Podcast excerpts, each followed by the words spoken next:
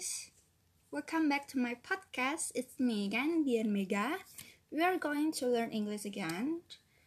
And this episode, we are going to discuss about must versus have to. Uh, kita akan belajar bahasa Inggris lagi. Di episode ini, kita akan membahas atau mendiskusikan tentang must versus have to. Are you ready, guys? Let's get started!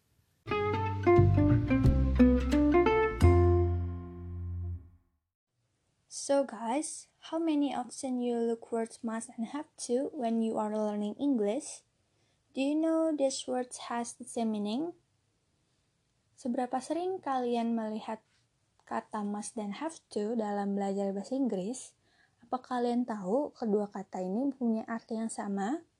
Must dan have to memiliki arti kata yang sama, yaitu harus. So, what the differences between these words? Both must and have to express obligation or necessity, but there are some small differences. Keduanya sama-sama mengekspresikan keharusan atau kebutuhan, tapi ada sedikit perbe perbedaan di antara keduanya. The first, must expresses the speaker's feelings, whereas have to expresses above all an impersonal idea.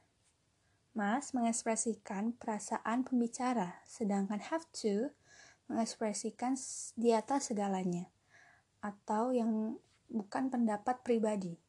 The example, you must come. It means I require that you come. Uh, you must come itu artinya aku meminta kamu untuk datang. Sedangkan have to, you have to come. It means There's a rule requiring you to come.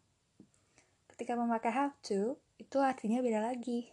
Artinya lebih ke ada aturan yang mengharuskan kamu untuk datang.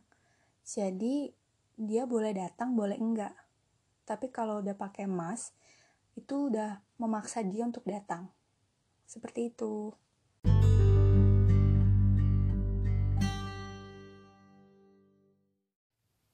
The second have to mainly expresses general obligations, while must is used for specific obligations.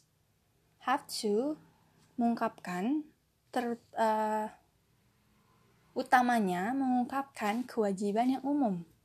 Sementara must digunakan untuk kewajiban yang tertentu atau spesifik. The example using have to I have to brush my teeth twice a day and using must, I must tell you something. See the differences? Ketika menggunakan have to, itu untuk mengungkapkan kewajiban yang semua orang lakukan. Seperti yang tadi kan artinya, aku harus menyikat gigi uh, dua kali sehari. Sedangkan kata must, tadi contohnya, aku harus mengatakan sesuatu kepadamu. Jadi, kalau untuk kata mas itu untuk orang yang tertentu, sedangkan have to untuk semua orang juga lakukan. Seperti itu.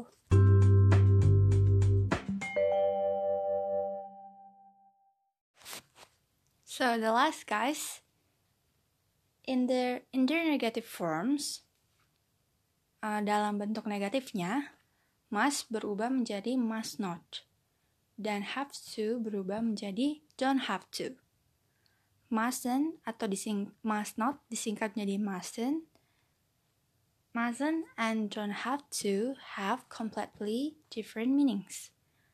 Mustn't and don't have to memiliki perbedaan yang sangat berarti. Yang pertama mustn't atau must not expresses prohibition. Must not mengekspresikan suatu larangan. The example You mustn't drive. You are prohibited to drive. You are not allowed to drive. Yang artinya kamu tidak uh, tidak boleh mengemudi. Kamu dilarang untuk mengemudi. Kamu tidak diperbolehkan untuk mengemudi. Jadi mas itu bukan arti katanya bukan harus lagi ya, tapi ini tidak boleh. You must not. Sedangkan don't have to expresses the absence of obligation or necessity. Don't have to mengekspresikan ketidakperluan, ketidakwajiban, ketidakwajiban atau sesuatu yang nggak harus gitu. The example, you don't have to drive. You are not obligated to drive, but you can if you want to. Kamu tidak boleh mengemudi. Kamu jadi tidak diharuskan untuk mengemudi, tapi kamu boleh jika kamu, tapi kamu bisa jika kamu mau. Uh, bisa dibilang kalau kata must not itu lebih keras sifatnya ya daripada don't have to. So guys, time is up. I hope that everyone know the differences between must and have to. And thank you for listening my podcast. See you guys on my next podcast. Bye.